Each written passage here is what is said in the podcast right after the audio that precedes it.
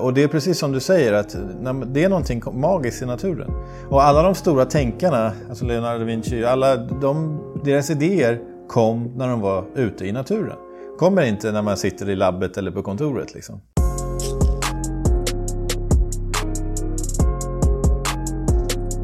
Hej och välkomna tillbaka till ett nytt avsnitt av Tanke till handling med mig, Filip. Och mig, Vendela. Härligt. Idag är ett väldigt speciellt avsnitt för vår podd. För att vi har vår allra första gäst med oss. Ja, precis. Hela vägen från Dubai. Jag tänker att Oskar, du får presentera dig själv. Ja, hej. Jättekul att vara med. Eh, Oskar från Dubai. Jag vet inte vart jag ska börja någonstans. Men eh, utlandssvensk. Jag har bott i Dubai sedan 2007. Och intresserad av personlig utveckling och letade efter poddar i Sverige om personlig utveckling och hittade eran podd. Så Ja, mm. supertrevligt. Vi fick ett mail mm. helt plötsligt. Vi blev också väldigt smickrade av ja. att du, du tog kontakt med, med oss. Mm. Eller på mailen. Och jag trodde bara att här, vi inte alltså, fanns där ute liksom. Att någon annan extern någon helt mm. främling kunde, kunde se att vi fanns där ute liksom. Ja, och någon som är liksom i branschen, eller vad Exakt, man ska säga. precis. Mm, just det. Ja. Men du skulle kunna berätta lite hur du kom till eh, Dubai från för Sverige. Det är en mm. ganska speciell resa. Mm, precis. Jag har en bakgrund inom hotellbranschen så jag har jobbat inom eh, hotell tidigare. Eh, och eh, studerade hotellmanagement internationellt och sådär. Och sen jobbade jag i Sverige i några år, 2000, var det, 2003 till 2007. Och sista jobbet i Sverige var på Sheraton Stockholm, som är ett av hotellen i Stockholm. Då. Och då eh, jobbade jag med försäljning och alla säljarna som nådde sina sin eh, mål, mål eh, så nu blir det så lite engelska ibland, så target. Mm. det gör ja. Ursäkta. Ja, men som nådde sina mål, de fick en resa till Dubai. Så vi var i mars mm. 2007 så var vi i Dubai. Alla säljarna på Sheraton, från Sheraton i Europa, det var väl kanske 30-40 pers någonting, på en, på en resa till Dubai. Och jag tyckte det var så coolt här, för det var så mycket hotell och det var så spännande, det var så internationell miljö.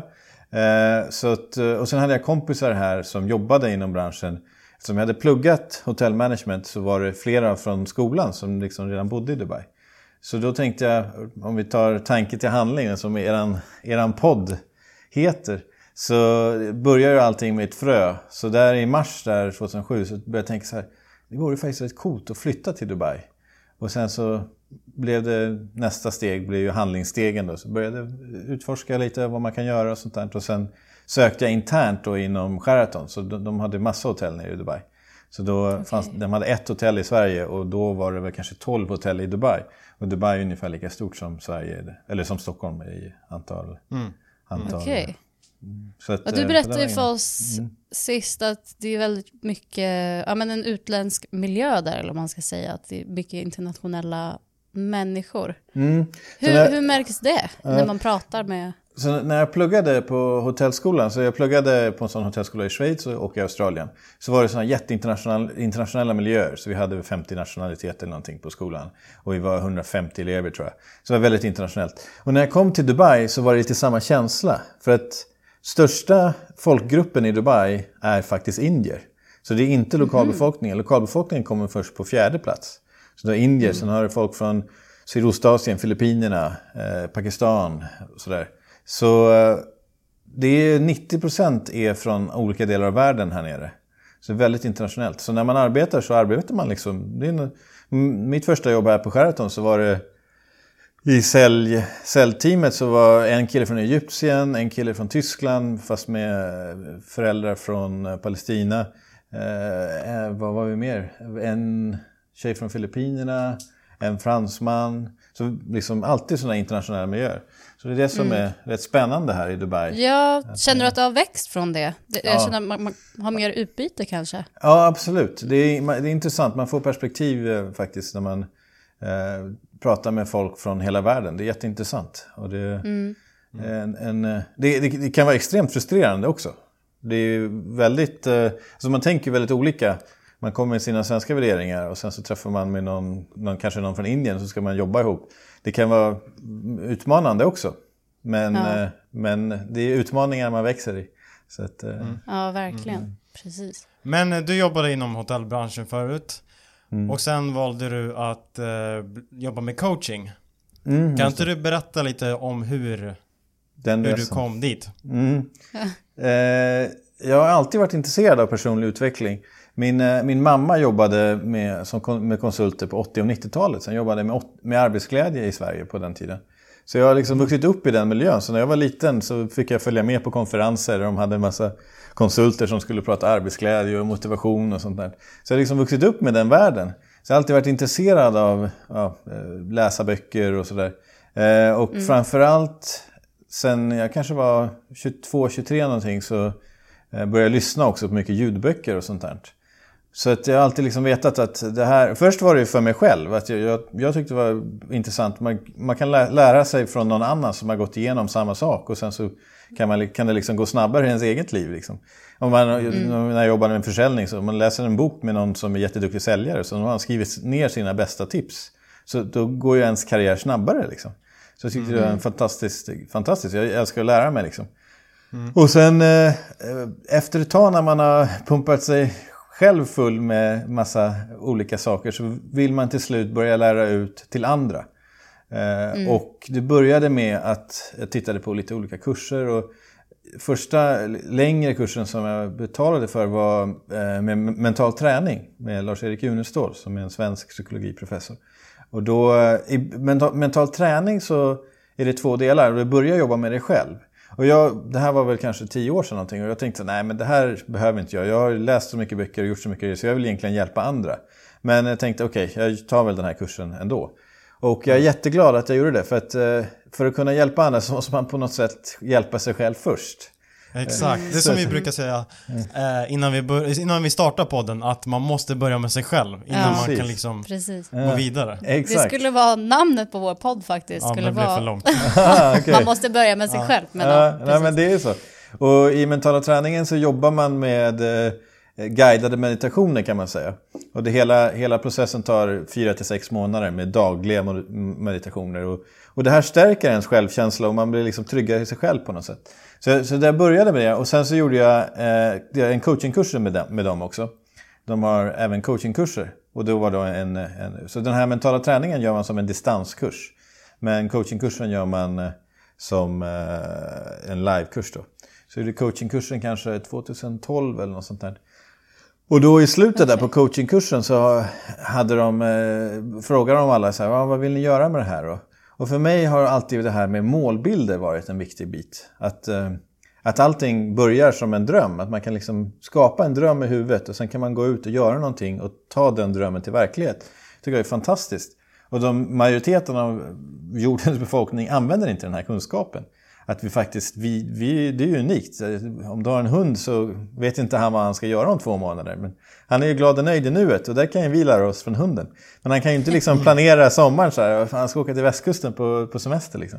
Eh, det är en förmåga som vi människor har. Så då, då sa jag då på slutet av coachingkursen att jag vill ta ut folk i öknen i Dubai och göra ett målseminarium där, där de får sitta i öknen och fundera på sina liv.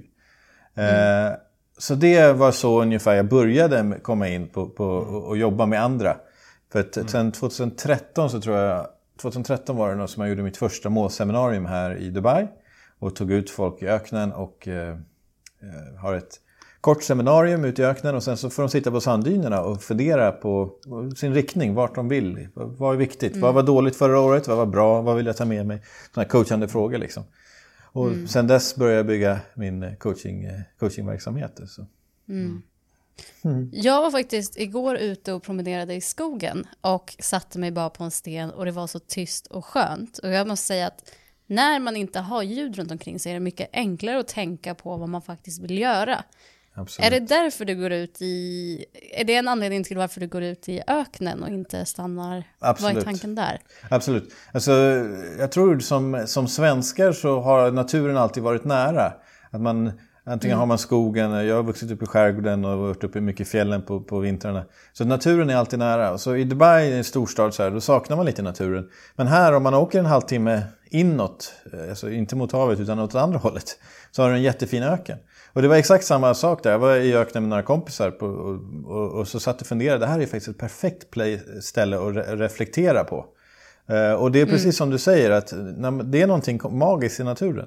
Och alla de stora tänkarna, ja. alltså Leonardo da Vinci, alla de, deras idéer kom när de var mm. ute i naturen. Kommer inte när man mm. sitter i labbet eller på kontoret. Liksom. Så att eh, natur, naturen är bra när man ska tänka.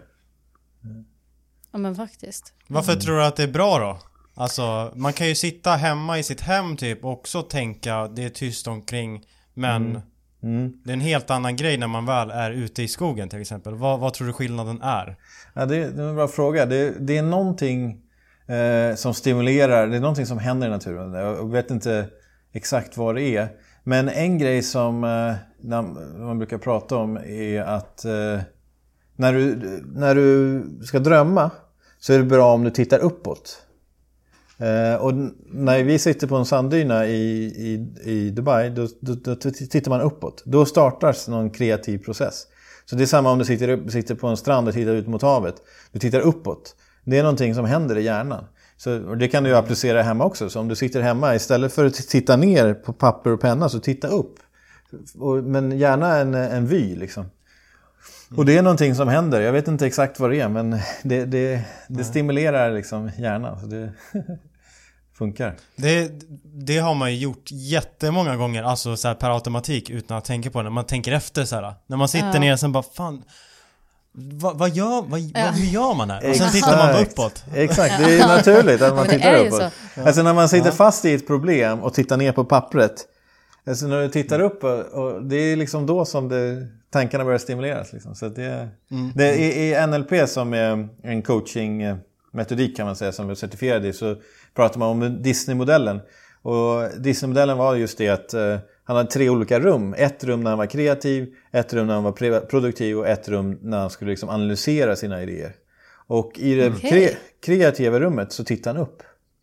Det liksom stod och, och, och, och så här, För att det, det händer någonting. Det, det är ögonrörelser liksom. Ja. Mm. ja. Mm. Vad står NLP för, för de som inte vet? Eh, Neuralistic Programming. Eh, och det är två amerikaner som grundade på 70-talet som heter Richard Bandler och John Grinder.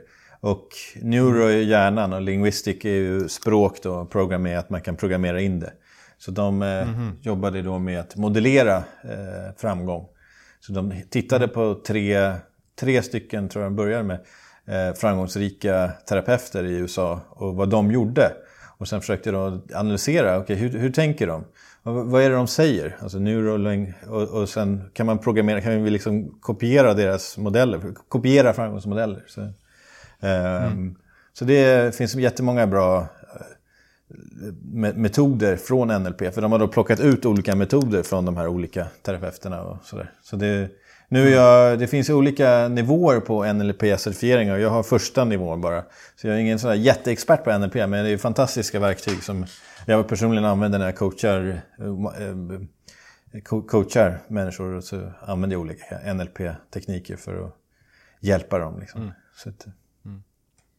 Jag blev lite nyfiken på, du nämnde din mamma prat, eller jobbade med arbetsglädje. Mm. Var det någonting under din uppväxt som eh, hon lärde ut till dig som du har tagit med dig eh, genom livet? Så här?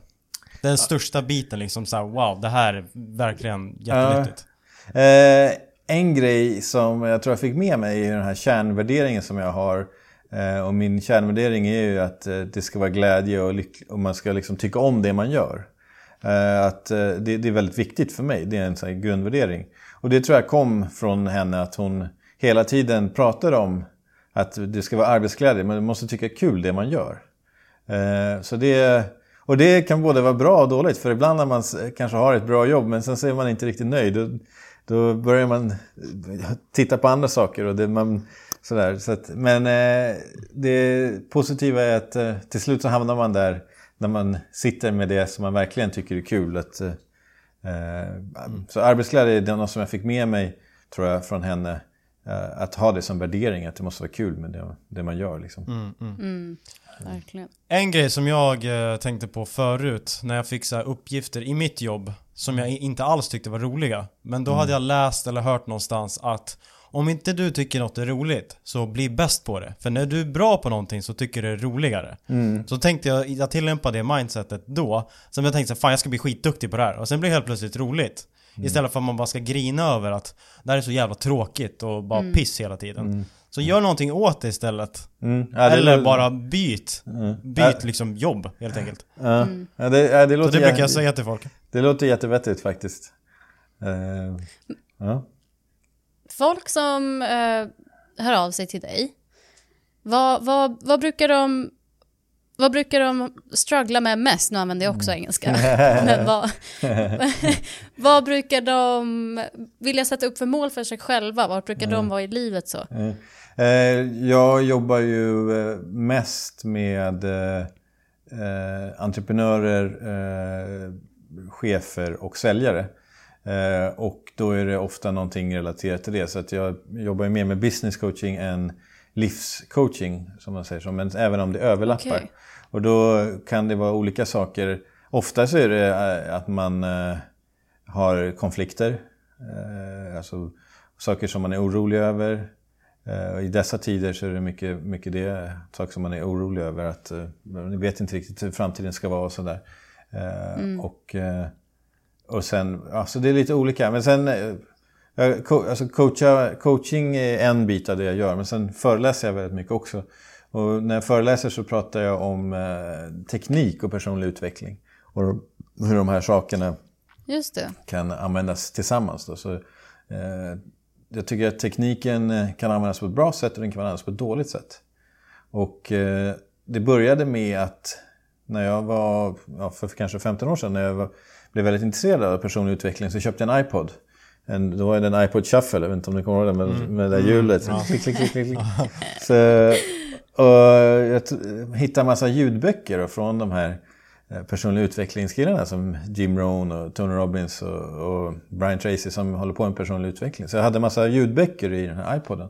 Så på kvällarna så gick jag en promenad och lyssnade på de här sakerna. Uh, och Brian Tracy som uh, en av dem, jag har någon bok där med, med honom.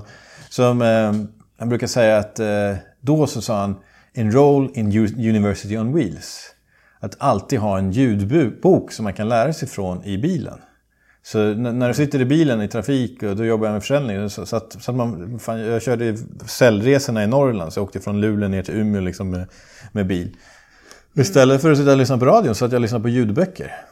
Och, mm. Så det, det, var då liksom intresset kom. Och nu är det ju enklare än någonsin i med poddar och eh, det är så enkelt att fylla telefonen ja, det... med, med saker. Liksom. Så. Det finns så mycket gratis ja. Mm. Mycket mm. gratis kunskap. Absolut. Mm. Jag, jag har varit väldigt mycket intresserad av sälj på så här, de senaste åren. Så här, det vore väldigt roligt att faktiskt jobba som en, alltså man har sin roll som säljare. Jag mm. har inte haft det. Jag har ju sålt lite det i min roll just nu på jobbet. Men det är inte riktigt att jag är säljare. Mm. Så jag brukar fråga de säljarna jag stöter på eh, här i livet och frågar om vad är ert bästa säljtips? Men då brukar de oftast tänk, alltså säga så saker som är direkt så här, relaterat till företaget. Jag säger så här, någonting om företaget så de ska tycka jättebra, men jag vill ju höra något där de connectar med människor, alltså på mm. människonivå, förstår vad jag menar? Mm. Så den mm. frågan har jag till dig. Vad är ditt bästa säljtips? Alltså mm. Att skapa rapport med mm. kunden. Ja, det är ju, alltså när jag kom in, in på, jag har jobbat med försäljning ganska länge, sen 2003, 2004 någonting kan man säga. Eh, och när, när jag började så trodde man att, trodde jag, att det var de där snackisarna som var de bästa säljarna.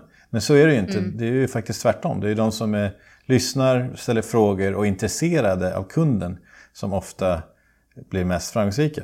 Sen måste du ha hög aktivitetsnivå. Men om du kombinerar de sakerna, alltså hög aktivitetsnivå med lyssnande, intresse av den andra personen och bra frågor.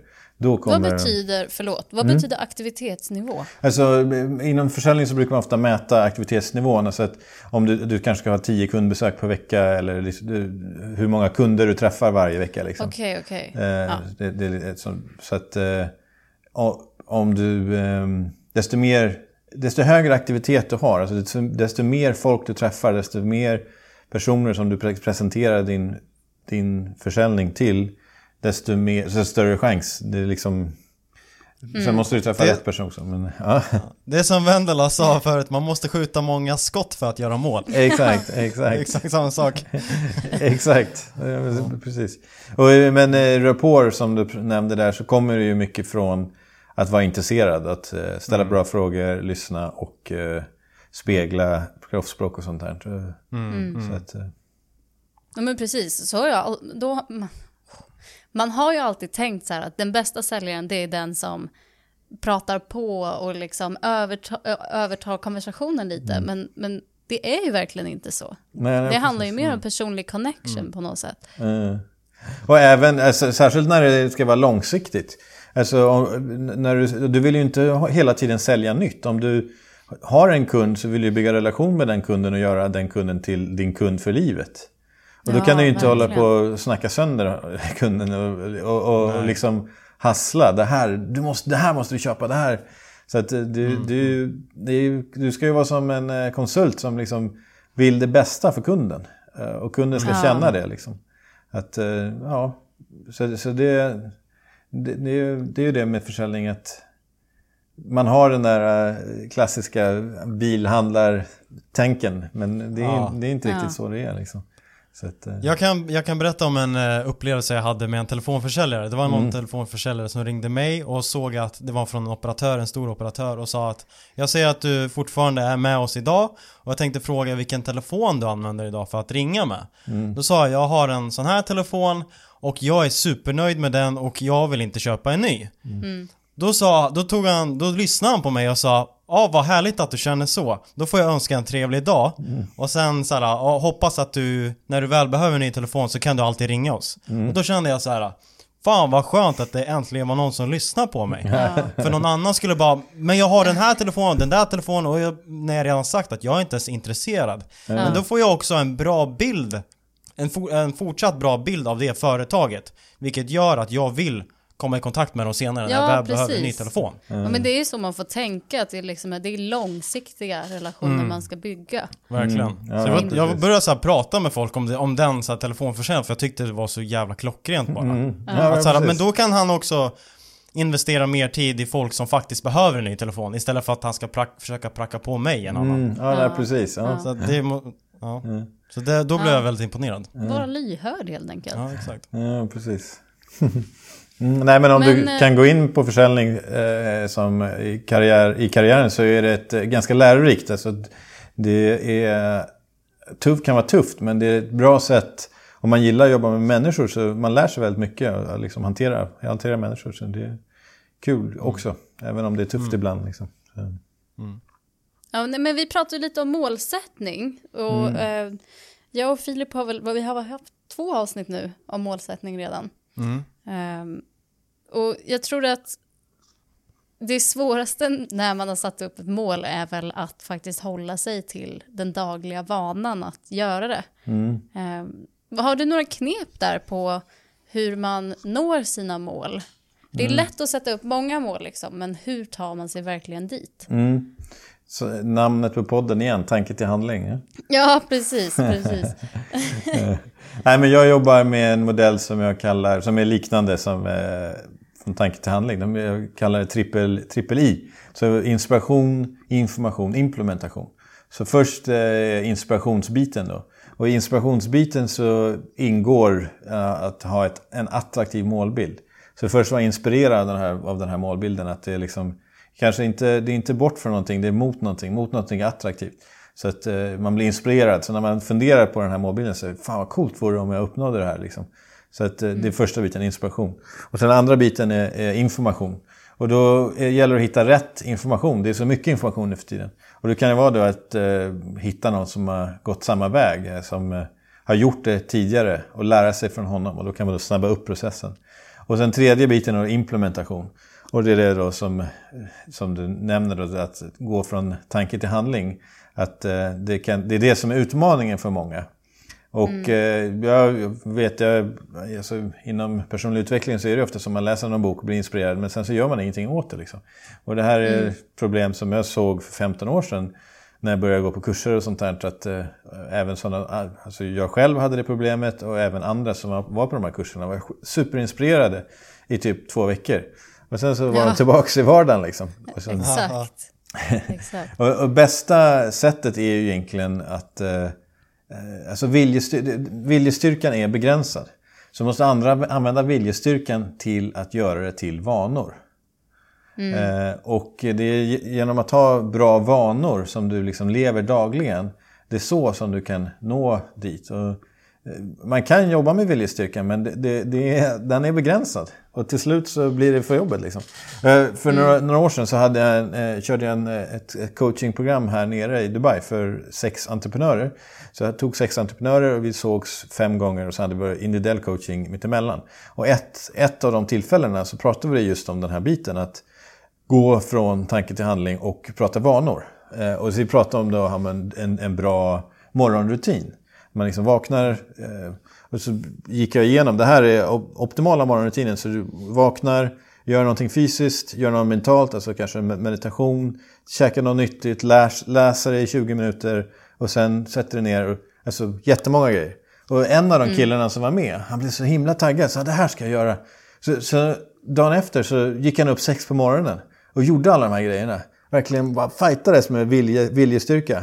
Men sen mm. när jag såg honom en vecka efter då hade han ju bara gjort det i två dagar. För det, det var liksom för mycket. Mm. Så då är det egentligen bättre att ta kanske en av de där sakerna. Okej, okay, gå upp 20 minuter, tidigare och gå en 20 minuters promenad så jag får det fysiska. Mm. Göra det i kanske två veckor eller tre veckor. Sen lägga på, ja men kanske kan sätta mig här och meditera i 10 minuter. Liksom bygga på vanorna långsamt. Men det är ju mm. vanorna som, eh, som eh, styr till, i, i, det långsiktiga. Så att ha, ja, ha drömmen och ha, ja. ha, visualisera målet. Plantera in målet i undermedvetna genom att visualisera det som en film flera gånger. Men sen ja. lista handlingsstegen du måste ta och försök göra några av de handlingsstegen till en vana. Och ett enkelt sätt är ju att använda sådana vanor som man redan har. Att till exempel mm. om du, du vet att du har 20 minuter till jobbet hem varje dag på tunnelbanan. Så de här 20 minuterna, då ska jag lyssna på den här kursen. Nu ska jag lära mig det här språket. Eller då ska jag göra en 10 minuters mindfulness-meditation. Du, du, du, du, alltså, något som du redan, redan gör. Liksom. Ja, smart. Så, smart. att man bara koppla, koppla lägger in det i sin, i sin mm. vardag. Som mm, mm, precis. För att, eh, det, jag vet inte om ni känner ni till Jocko Willink? Han är en, Nej, eh, tyvärr. Han är en amerikansk så här, eh, gammal marinsoldat som har en podd. Han har varit på massa stora poddar i USA. Och han är eh, extrem så här disciplin. Han, han pratar alltid om disciplin och, sådär. Mm. Och viljestyrka. Och så han går upp 4.30 på morgonen och tränar med sina kettlebells. Och sen så tar han en bild och lägger upp på Instagram så här 4.33. Så, men, men, problemet är att han har varit marinsoldat i 20 år och blivit piskad av sina, sina befäl i 20 år. Så han, för honom så är viljestyrka och disciplin funkar. Men när jag föreläser så brukar jag ibland fråga så här, hur många in, här inne anser sig vara disciplinerade? Och det är liksom 1% eller 2% som räcker upp handen. De flesta av oss mm. har inte gått, tränat 20 år som marinsoldater. Så då får man egentligen hitta system för att skapa det här, alltså typ vanor som exemplet med vanor. Mm. Så att eh, system istället för viljestyrka är det som funkar i längden tror jag. För viljestyrkan tar slut. Ja, verkligen. Ja, jag, jag gjorde en ganska bra grej för mig själv nyligen. För jag tänkte så här, jag hade varit väldigt slarvig med min träning. Och jag tycker om att träna på olika sätt. Alltså yoga, springa, eh, styrketräning, spela fotboll, eh, skata typ. Det är också bra träning. Men eh, då tänkte jag så ja men jag, jag kör varje dag. Eller jag gjorde så lappar på min whiteboard där jag ska kryssa i så här, fem, minst 15 minuters träning varje dag. Sen kryssa i det. Men det, det ger ingen så tracking på hur bra, eller hur mycket jag har tränat. Så jag bara skrev ut typ maj, jag skrev ut april och maj liksom. Och satte på min vägg och sen kryssade jag för. Och tänkte så här, fan jag kan ju inte låta de här, alla de här kryssen nu så här, bli tomma. Så det är ett sätt för mig att hålla upp den mm. vanan. För det är mm. ganska enkelt, för jag vill få den rutan att bli fylld. Ja, okej. Okay. Mm. Och det är ett sätt för mig att uppehålla alltså, min träningsvana. Mm.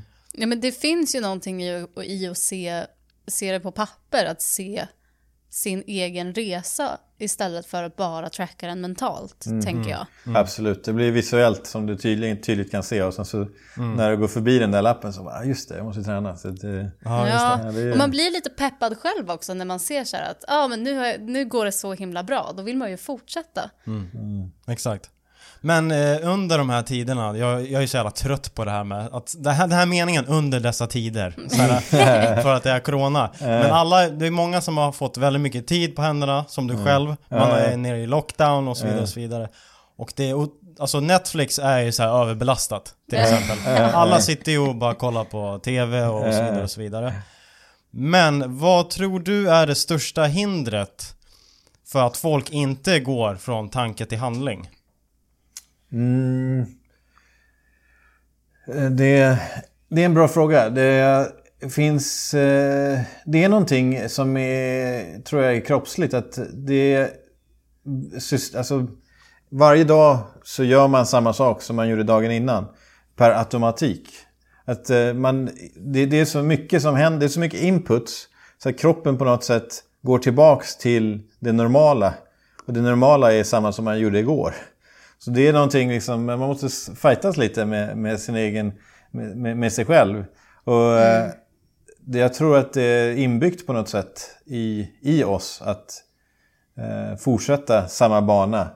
Eh, så när jag pratar om att eh, det räcker inte med viljestyrkan, att man måste ta den viljestyrkan eh, och använda viljestyrkan för att bygga en vana.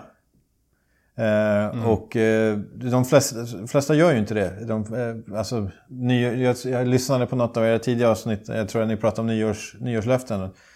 Mm. och det är ju, de flesta gör ju inte...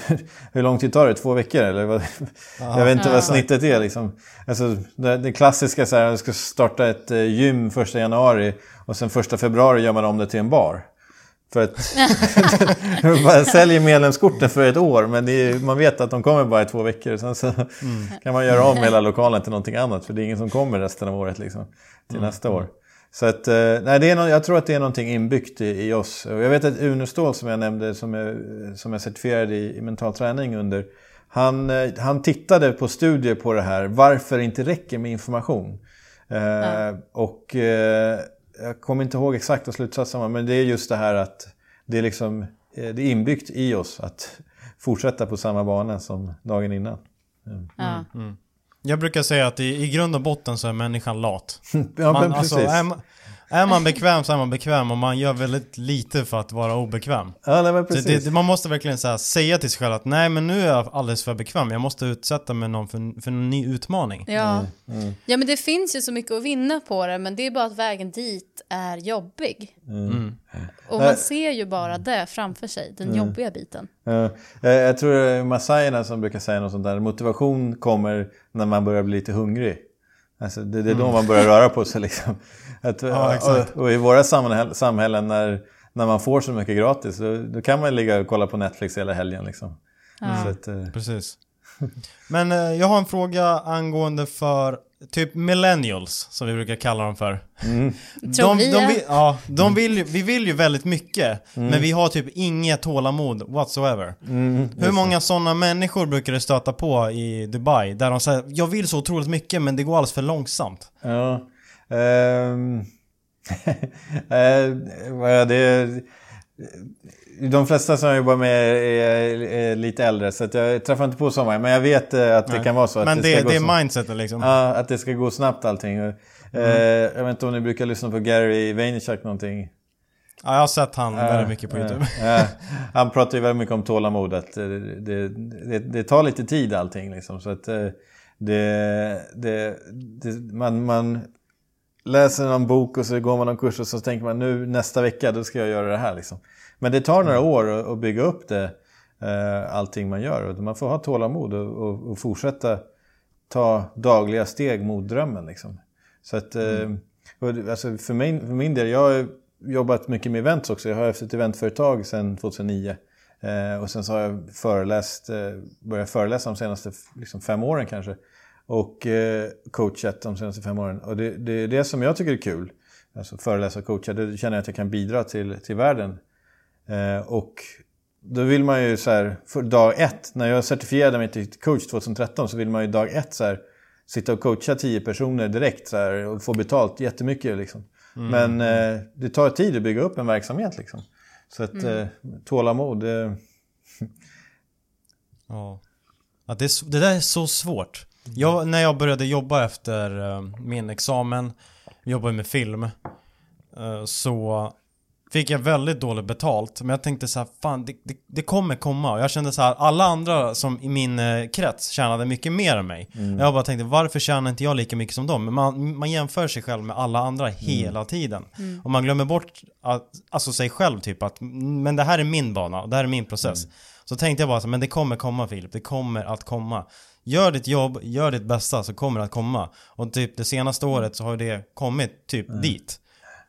Dit. Där man känner sig mer nöjd med sin mm. tillvaro. Men man glömmer ju bort att man måste lita på processen liksom, att ha tålamod.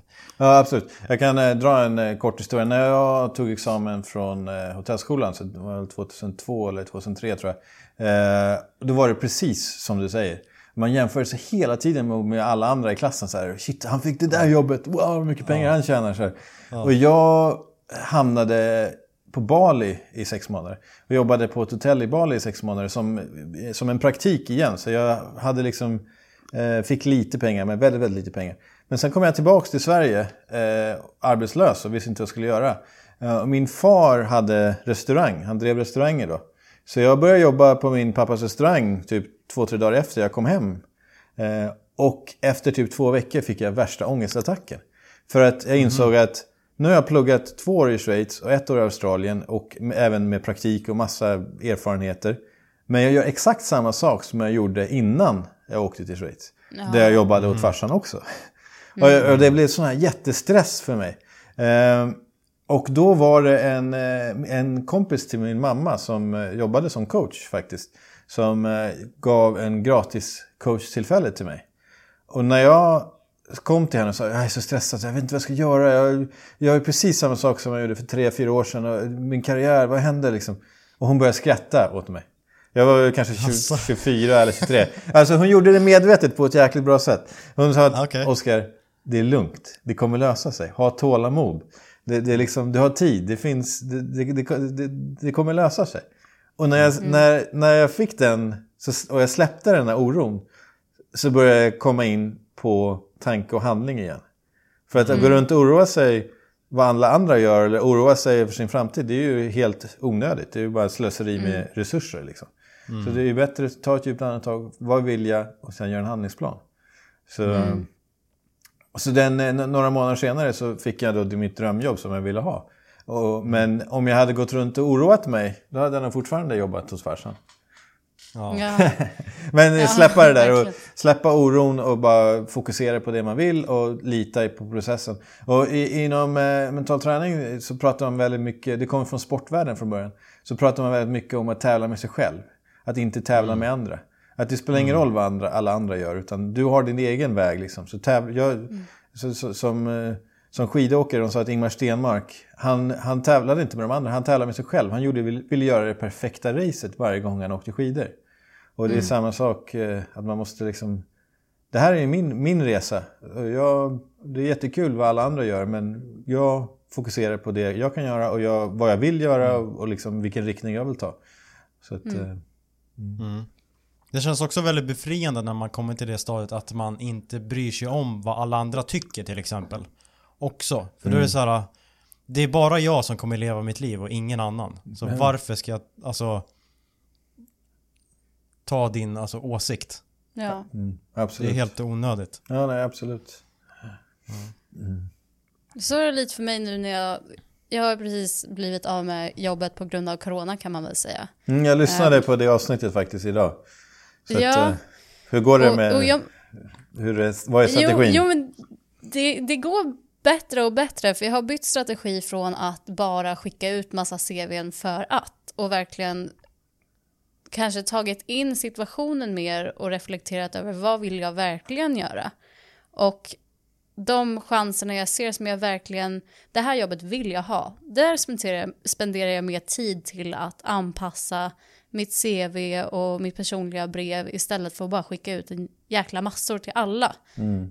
Um, så att kanske mer ta kontroll över och se mitt eget värde att men det här vill jag. Istället mm. för att bara säga men de här chanserna finns. Mm. Uh, och sen bygga därifrån. Ja, det känns ju också bättre långsiktigt för då hamnar du på en plats där du verkligen trivs kanske. Mm. Istället för ja, att precis. hamna på ett jobb där du inte, liksom, det här är inte rätt.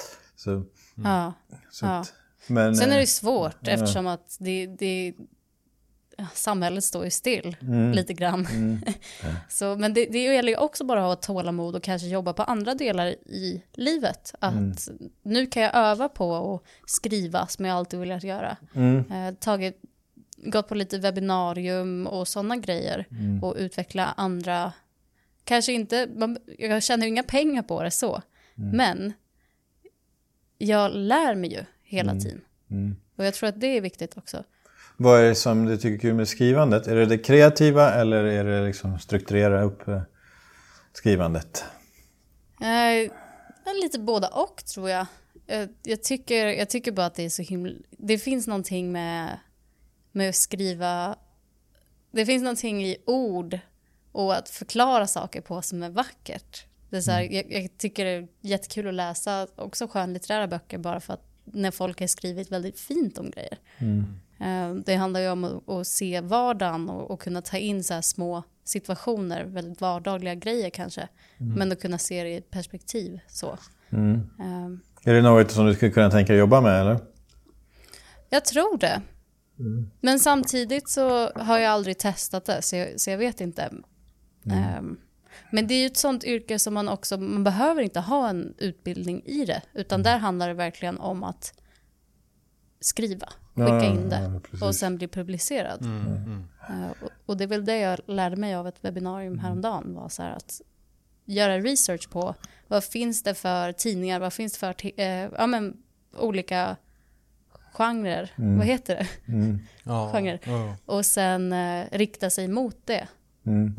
Ja. Sen tror jag att det finns väldigt mycket möjligheter för frilansjobb som, eh, som skribent. Alltså det behövs mycket, det är många som behöver content. Eh, och mm, även om video och ljud är det som många pratar om så behövs det mycket eh, skrivet också. Alltså, så ja. du, säkert, du, kan, du kan säkert hitta frilansjobb redan nu. Alltså sådana som behöver blogginlägg eller liksom, sådana saker. Ja. Så, ja. Är du duktig på att skriva på engelska? Ja, då. Ja. Det, ja precis. Ja. Jag, kan, kan, jag, jag, kan hyra in dig. Jag behöver några blogginlägg för, vissa, för en annan grej. Ja, perfekt. perfekt. Ja, snyggt. en arbetsgivare. Ja, precis. Men, var, men eh, när vi pratade om i podden förut, i vårt eh, engelska avsnitt, mm. så sa ju du att du, du var ju bättre på engelska än många av de amerikaner. Mm. Ja, men faktiskt. Men jag tror roligt. att det, det är lite så, bara, i Sverige lär vi oss väldigt bra grammatik och mm. liksom att vara väldigt formell och sådär. Så att man var bättre på att skriva och, och skriva på ett bra sätt än vad många amerikaner var, för de skrev väldigt vardagligt. Mm. Mm. Um, Nej, men, det var inte ehm, bara jag, utan det var, det var mm. fler svenskar som var väldigt duktiga på det. Ja, det är lite speciella tider nu med corona. Och, alltså för mig är det samma sak. Jag har, jag har ju flera ben i min verksamhet. Så coaching och poddar är en bit. Men sen det som jag gör framförallt är ju föreläser, gör teambuilding-grejer. Vi har tagit företagsgrupper ut i öknen och gör teambuilding-aktiviteter med dem. Och sen även event där vi tar svenska företag till Dubai. Och alla de sakerna är helt dött. Det är, inget, det, det är noll liksom. Så att ja. Eh, för min del också, det är, det är speciella tider. Men man får ja. acceptera läget som det är. Alltså det är faktorer Precis. som är utanför ens kontroll. Liksom. Mm. Så... Men hur har du hållit dig positiv då under Ja, alltså jag, i, i, någon gång där i mitten på mars, när, i slutet på mars så började de stänga ner Dubai totalt. Och 3 okay. april var vi inte, fick, fick vi inte ens gå ut. Liksom. Eh, och då fick jag ju analysera verksamheten. Så här, okay, team, jag hade hoppats på, eh, för april är fortfarande en månad där jag brukar göra teambuilding-aktiviteter. Så hade jag hoppats mm. på att få in lite teambuilding-aktiviteter i april och eh, ja, lite andra projekt. Eh, men insåg då ganska snart att okay, de här grejerna kommer inte kunna hända någonting med. Uh, och in, bestämde mig för att satsa på då... Alltså, jag har flera olika saker som jag gör, men de tre grejerna som jag valde att satsa på var podd. Vara med på, alltså poddar, jag har ju min egen podd också. Uh, vara med på poddar och coacha online. Det är de tre, okay. tre grejerna som jag kan göra då det spelar ingen roll, det kan jag fortfarande fortsätta med. Det är inte, det är inte så många, mina, jag pratade med en av mina kunder häromdagen och så här, han, han är chef för något måleriföretag här med 150 anställda. Så jag bara ringde och kollade hur läget var. Så jag bara skojade, men ska du göra någon teambuilding-aktivitet? Hon bara, eh, nej, inte riktigt. inte riktigt tid för det just nu. Liksom. Mm. Så att, eh, men eh, poddandet, eh, alltså, jag har kört jättemycket mycket poddavsnitt och också varit med på poddar. Och jättekul att vara med här med er. Och, mm. Så jag hörde av mig till er. Det var en del av liksom, mitt coronaprojekt att komma med ja. på andra poddar. Eh, mm. Sådär, så att, Ja men det, mm. man får ju tänka lite mer kreativt när sådana här grejer händer också. Mm. Att man får, ja, men man får utveckla på, på, ett helt annat sätt. Man blir satt lite på prov nästan. Ja, mm. så är det. Mm. Jag brukar säga att när det inte finns resurser så kan man bli, ska man bli resursfull. Det kanske blir, blir bättre på engelska. Men there's no resources, you need to become resourceful. Ja, eh, och det, det, är så att nu, nu, då får man ta, ta, upp, ta ett snap, uh, step up the game liksom. Mm. Ja. Kör, vi brukar säga, vad är det vi säger? Begränsning ökar kreativitet. Det är nästan ja. lite samma sak. Mm. Ja, ja, men precis. Ja. Jag brukar också tänka om jag är på jobbet och sen känner jag så här, men fan jag har gjort allt det jag ska göra, nu har jag inget att göra. Men har jag inte något att göra, då hittar jag något att göra. Mm, mm. Alltså, du, du, ska inte stanna bara för att du inte har något att göra. Du hittar, det finns ja. alltid någonting du kan förbättras mm. i, eller mm. någon ja. sak som behöver fixas eller sånt där. Mm. Det är bara för att man man, man känner sig nöjd typ och bekväm. Nej men jag har gjort allt det jag ska nu. Klapp mm. på axeln och sen bara fortsätta. Mm. Utan bara hitta nya grejer att göra och, så, mm. och sen bara tuta och köra liksom. Ja. Och Innan som... vi mm. avrundar tänkte jag ändå fråga lite om, om eh, är det en app du har skapat? Nej, jag har inte valt att skapa någon app för jag tycker det finns så många appar redan. Eh, men jag ja. kallar det Strategic Tech Coaching. Och det innebär då det här som jag sa, inspiration, information, implementation. Att man använder tekniken i vardagen för att hjälpa till att bygga de här vanorna.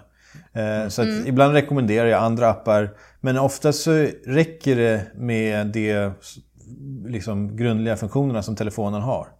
Mm. Till exempel, man kan använda musik, man kan jobba med bilder, man kan jobba med eh, ta anteckningar på telefonen. Så tekniken blir ett verktyg för att ta göra drömmar till verklighet. Så, okay. att, eh, så det är liksom det som är... Så om jag jobbar med coaching till exempel så, så kan det vara så att vi har ett coachingtillfälle över Zoom, så här. Ja. Och sen nästa gång vi ska ses är om två veckor. Och då kanske den här personen vill jobba med sin hälsa och vill gå en promenad varje dag 30 minuter. Så varje gång hon gör det så skickar hon ett meddelande på WhatsApp till mig. Att hon har gjort det. Mm.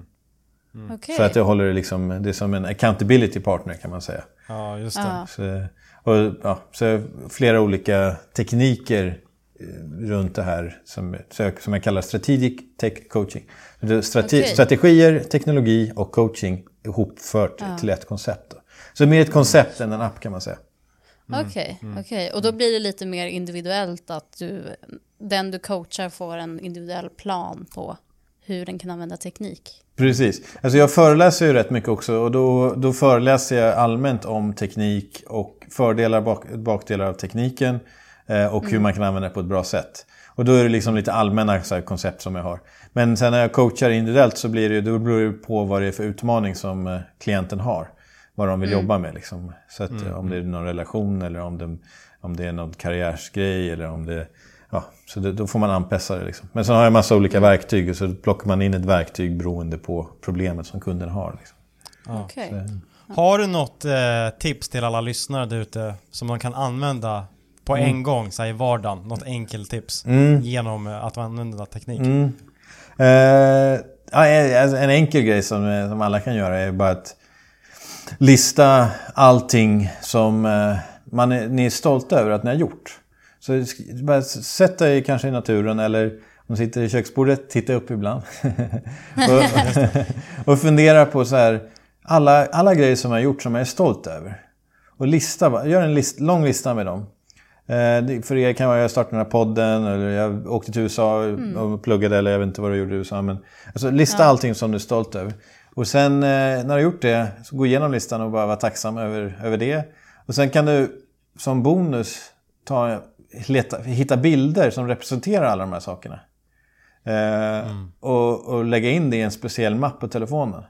Och den här mappen eh, kan du titta på lite då och då. När du bara, jag har gjort rätt många coola grejer ändå. Liksom. Eller, Så, ja. så att, eh, använda, man kan använda det förgångna till att plocka upp positiva saker. Mm. Och en, en, en, en, grej till eh, som är relaterat ungefär till samma sak som man kan göra, göra samtidigt är att titta tillbaka till livet och se de gångerna när det var lite tufft. När det var lite utmanande. Och vad gjorde jag för att komma över det?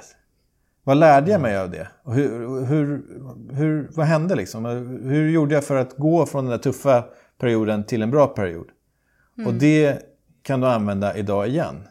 Så om jag har en tuff period just nu så kan man bara tänka, ja men jag har faktiskt gått igenom de här fem sakerna tidigare som var riktigt tufft. Men jag kom igenom dem och jag kom ut starkare faktiskt. Jag lärde mig rätt, rätt mycket av att gå igenom de här tuffa tillfällena. Och, mm. och liksom på så sätt skapa resurser som man kan använda för de tuffa tiderna som man har nu. Mm. Mm. Och även hitta Bra bilder tips. som rep, rep, rep, representerar de här, de här tiderna. Just det. Just det. Ja. Bra tips. Det ja. där jag ska börja med det där att eh, hitta så här, saker i livet som jag är stolt över och bara lägga det i en mapp på telefonen och bara säga ja. fan, vad, fan vad jag är bra alltså. Ja men man får självförtroende. ja men precis. Och sen nästa gång du har ett möte med chefen, du, precis innan mötet så kollar du på mappen och bara Ja, fan, jag är rätt bra eller? Ja, exakt. I'm a fucking man. ja, nice. Ja, men eh, det var jätteroligt att ha med dig i podden Oskar och mm. Eh, du, du är den allra första gästen vilket ja, är Ja, verkligen. väldigt härligt och kul. Det var kul att få ha en tredje part här mm. faktiskt. Mm. Ja, men jättekul att prata och, och lycka till i fortsättningen med podden. Jag hoppas ni fortsätter. Det är mycket, många poddar där ute som eh, konkurrerar men det är, mm. det är en kul, kul grej så hoppas ni fortsätter mm. att köra på. Ja, Absolut. det kommer vi göra. Men det känns ändå som att det är en stöttande community. Mm. Mer än att det är en konkurrerande ja, community. verkligen. Mm. Mm. Så det, det, är skönt. Men om folk vill uh, komma i kontakt med dig eller nå dig på mm. sociala medier och sånt, vart ska de leta då? Mm. Uh, jag kan gå till Instagram, uh, Strategic Tech Coaching. Och där följer, följer resan. Och sen eh, strategictechcoaching.com är hemsidan. Och där har jag också eh, min podd där jag kör intervjuer som jag kör på engelska. Då. Eh, så strategictechcoaching.com. Det är väl de två som är, där jag är mest mm. aktiv. Mm. Ska vi dra vårt egna avslut att eh, glöm inte bort att följa oss på våra sociala kanaler. Tanke till handling på Instagram, tanke till handling på Facebook. Absolut. Så avrundar vi för denna gång och så hörs vi nästa vecka. Det gör vi. Ja. Hej då!